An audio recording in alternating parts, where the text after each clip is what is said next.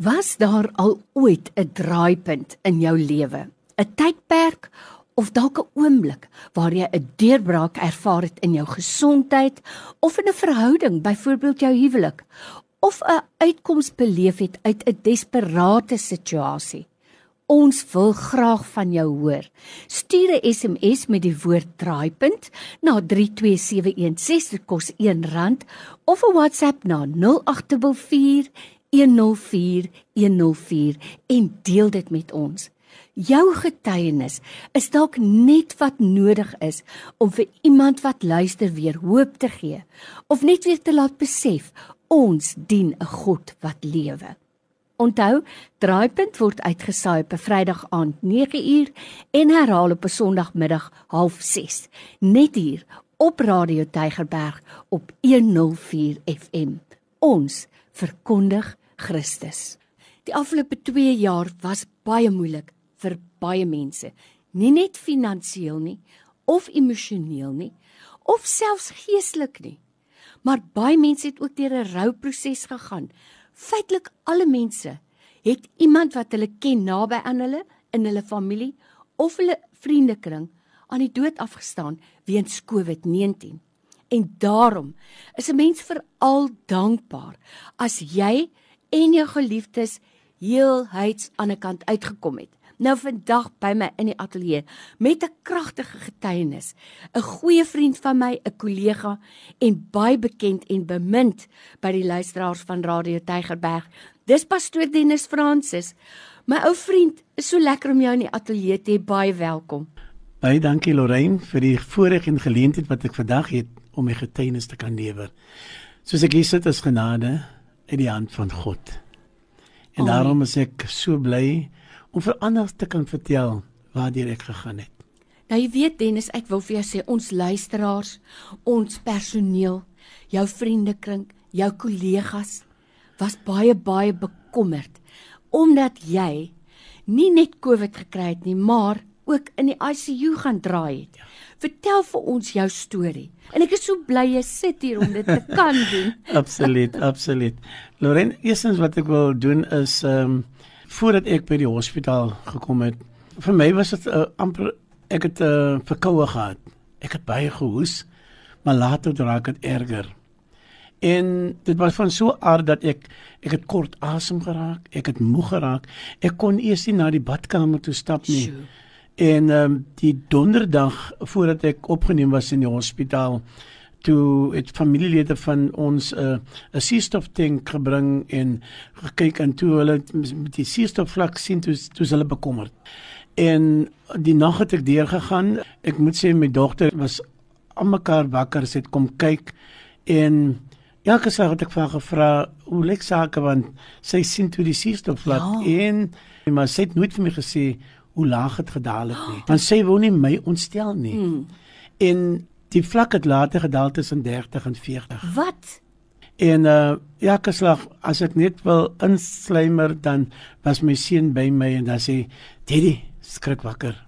Hulle het my wakker gehou en ek wil glad nie by die dokter uitkom want al die goed wat gepraat word hmm. as jy onder ventilasie gaan, jy kom nie weer terug nie, al die dinge. Almal sê bly net weg van die hospitaal af. Ja, almal sê bly weg van die hospitaal af. En en ek ek het gevoel nee. Maar daai Vrydagoggend, dis ek uitgeput. Ek sê Here, ek berus my. Dis een ding wat ek regtig vir vir iemand wil sê. Berusting is 'n baie goeie ding. O, oh, daai vrede. Daai nee. vrede. Ek het my berus. Ek het gesê Here, in U hande lê U my. En die ambulans het gekom. Hulle het my gestabiliseer. Ek is hospitaal toe, ek is na Louis Leipold Hospitaal toe. En ehm um, daar het hulle die toets gedoen soos ek positief mm. COVID. En die dokter het my meegedeel dat daar's nog nie plek daar so nie by Louis Leipold nie en ek moet eh, panorama toe gaan. Ek het gedink ene panorama is nog eentjie verder vir die familie om te gaan, mm. maar ek glo dit was soos 'n Engelsman sal sê a blessing in disguise. Ja. Want daar by panorama kon hulle by die venster kom kyk het na my. Hulle kon my gesien het en dan kon hulle met my op die speaker gepraat het op die foon. Dit, dit was absoluut 'n benoude oomblikke. Daar was plek plek wat ek nie geweet het van myself nie. dit het my benoud gemaak, maar uh was ek berus. En so toe ek by Panorama kom, het hulle my dadelik in die intensiewe eenheid ingeneem. Die Saterdag aand toe stuur ek 'n boodskap nog vir vrou lief om te sê hulle gaan my op die ventilasie sit. Ek het gesê maar, mm. -mm dit kan nie wees nie. Ek het nie die boodskap gestuur nie. Ek weet net die Heilige Gees het dit gedoen. Wow. Die reis na dit ek ek kan nie onthou nadat ek onder ventilasie ek kan niks onthou nie. Kyk jy's onder sedasie. Ek is onder sedasie mm. en uh daarom vir my was dit 'n wonderlike voorreg. Nou soos ek vertel wat dit wat ek nou gaan sê was vir my vertel gewees. Gedurende ventilasie word jy natuurlik soos jy gesê het onder sedasie geplaas en jou diafragma verslap. Mm. Die ventilasie neem die funksie van die longe oor. Ja. En uh, my longe was basiek ek het pneumonie gehad en my suurstofvlakke in my bloedstroom het drasties verminder, aggressief verminder. Mm. En en en dit word natuurlik in persentasie gemeet. Niemand weet, selfs die dokters of die verpleegsters weet nie hoe lank ek op ventilasie gaan wees nie. Op die ventilasie weet mense ook nie wat aangaan nie. Ek het niks geweet nie. My ondervinding het ek 'n uh, chirurgiese emfyseem ontwikkel en dus moes 'n pyp in my longe geplaas word en die chirurgiese emfyseem as dit nie doeltreffend behandel word nie dan kan ek sterf. Mm. My niere was aangetas. Ek moes self dialyse gekry het om die niere aan die gang te hou. Dan Johannes 10 vers 10 sê hy sê kyk die dief kom om te steel en te slag en te verwoes. En en dit is uh die karaktereienskappe van COVID. Sure. Hy hy hy staan uit om te verwoes, maar dank die Here vir die genade van God. Nou, toe ek op die ventilasie was, ehm um, gewoonlik word gekyk na 5 tot 7 dae. Ek was 5 dae op, op ventilasie. Met toestand het ek verneem ek moes eintlik 3 maande op ventilasie gewees het. Maar daar was gebed wat uitgegaan het. Absoluut. Ek kan getuig daarvan. Daar was gebed. Mm. Ek het dit gewaar toe ek daar lê in Lorraine. Ek het dit fisies gevoel en ek voel nou die salwing van die Here op my want dit was gebed. En daar was een aand toe kom die lied van Natalie Grant kom en sy sing hierdie woorde en dit tel my op. Hy sê sê your presence is my great weapon. Amen. En ek vat dit.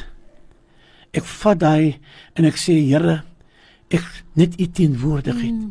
Ek soek u teenwoordigheid. Here, ek het 'n woord van u nodig. En ek moet eerlikwaar sê dat Die hand van die Here was geweldig op my. Ek was kalm. Ek was rustig. Daar was nie vrees by my nie. In my gedagtes het ek nooit gedink aan ek gaan nie huis toe kom nie. Ek het in my hart geweet ek gaan huis toe kom. Die 6de dag toe sit ek die traggie in. Sodat ek uh, atuale die ventilasie af en sit die traggie in en uh, sit hulle suurstof in in althans daar was die suurstof was daar. En die besoeke van van my familie. Ek sal nooit vergeet nie. Elke keer as hulle kom, dan sê hulle voor en ek sien hy glimlaggende gesiggie. Nadat ek uit die hospitaal uit gekom het en gesond is, het ek vir hulle gesê, "Wys my die pad wat jy gestap het na my toe elke aand." En ek het gestap al die trappies wat hulle ons opgeklim het. Oh, die nou spasie wat hulle gehad het. En ek het die Here dankie gesê.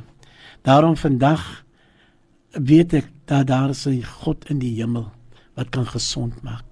By my in die ateljee is Pastor Dennis Francis, geliefde en bekende omroeper, vriend en kollega hier by Radio Tygerberg en hy deel met ons sy pad, sy donker pad wat hy geloop het deur die dal van doodskade weer. En jy weet Dennis, die dood is maar net 'n skade weer. Absoluut. En party mense kom daar uit na weer terug na hierdie lewe toe, ander gaan oor na die ware lewe mm. toe. Maar ek wil vir jou sê ek is die Here so dankbaar dat jy terugkom met na ons toe, want jy het nog baie werk om te doen. Maar twee goed staan vir my uit in dit wat jy nou sê. Die een is vrede. Yes. En ek dank die Here want al wat ek kan sê van jou is it is well with your soul. En daarom het jy vrede. En die tweede ding is dankbaarheid. Yes. Nou ek is seker as 'n mens daar uit so 'n ondervinding uitkom, is daar baie mense wat jy voor wil dankie sê. Lorraine, weet jy, dit gaan dit gaan baie lank wees om mense uit te sonder. Maar ek wat ek vandag kan sê dat daar was soveel soos ek verneem het. Mm. Kyk Vroulief het my op hoogte gehou. Natuurlijk. Mense het geskakel, mense het gesê ons bid, kerke het gebid, selgroepe het gebid, gebedsgroepe het gebid, huisgesinne het gebid. Mm. Uh, Moslemmense het gebid. Mm. Um ewen 'n bendelede wat wat wat ek altyd gegroet het, hulle het gehuil. Vir hulle was dit nee, dit kan nie wees nie. Mm van die radio ek het gehoor by die radio uh, dat hoe dat mense gebid het. Mm. Uh Pastor Gerard Kotse, ek uh, wil vir vandag sê baie baie dankie vir die gebede wat uitgegaan vir die gemeentes en elke persoon wat gebid het. Dit het my gedra. Ek wil vir vrou lief en die kinders wil ek baie dankie sê en vir die gemeente want my kinders Eugene Sari hulle was al die pad daar Ai. hulle het my vrou gebring Shirley. Ag ek ek kan net nie genoeg dankie sê nie. Die ondersteuning wat hulle gegee het en self die gemeente die manier hoe dat hulle aangegaan het met self met die bediening sê ek dankie. Tot vandag toe. Prys die Here. Net as 'n slotwoord, as hier nou iemand is wat staan met 'n geliefde wat tans nou nog in daai dal van doodskade weer is. En 'n mens weet nou nog nie watter kant toe gaan hulle daar uitstap nie. Watse vertroosting het ons vir mense vandag? Lorraine, die groot ding is die in in soos ek aan die begin gesê het, ek wou glad nie by die hospitaal uitgekom het nie, maar wat ek vandag kan sê en ek wil vir iemand sê, as jy daardie berusting het, daardie vrede dit dryf die angs en die vrees weg. Die vrees staan teenoor geloof, staan teenoor daai ek weet dat my God lewe. En wanneer jy daai berusting het, Here, nie my wil nie, maar laat U wil geskied. Dan is jy veilig. Maak nie saak of ek die ander lewe in sou gegaan het nie. Ek het geweet ek is veilig. En as ek dan soos ek vandag hier sit, ek weet my werk is nog nie klaar nie. Lorraine, ek wil weer eens baie dankie sê vir hierdie geleentheid. En as daar vana vandag iemand is wat worstel met met hierdie probleem of enige ander siekte, enige ander uh, uh toestand. Ek wil vandag vir u sê dat die ondervinding wat ek uh, in tot vandag toe en die Here het my volkome gesond gemaak. Amen. Die dag voordat ek uh, Lorraine uh, geontslaan word. Dit is net iets wat ek noem ek sal nooit vergeet die dokter Foster. Hy hy was my longdokter. Hy kom na my toe en hy sê vir my want almal in die saal het vir my pastoor gesê. Hy sê pastoor ek wil vandag vir jou sê COVID het 'n manier dat jy kom nie sommer los van hom nie. Mm. Daar's baie mense wat nog instap. Hy sê my ek wil vandag vir jou sê en ek kyk my in my oë. Hy sê jy's gesond. Amen. En ek vat dit. Amen. Ek vat dit met my en hy stap uit hy, en hy sê vir die suster. Hy sê vir die suster daarso. Hy sê this is a story for a book. Ek wil dit sekondeer. Nou pastoor Dennis, baie dankie dat jy vandag ingekom het om jou getuienis met ons te deel. 'n Deel van die werk wat jy nog oor het om te doen is dan om jou boek te skrywe en ons sien uit daarna. Baie dankie. Baie dankie. Dankie Lorraine.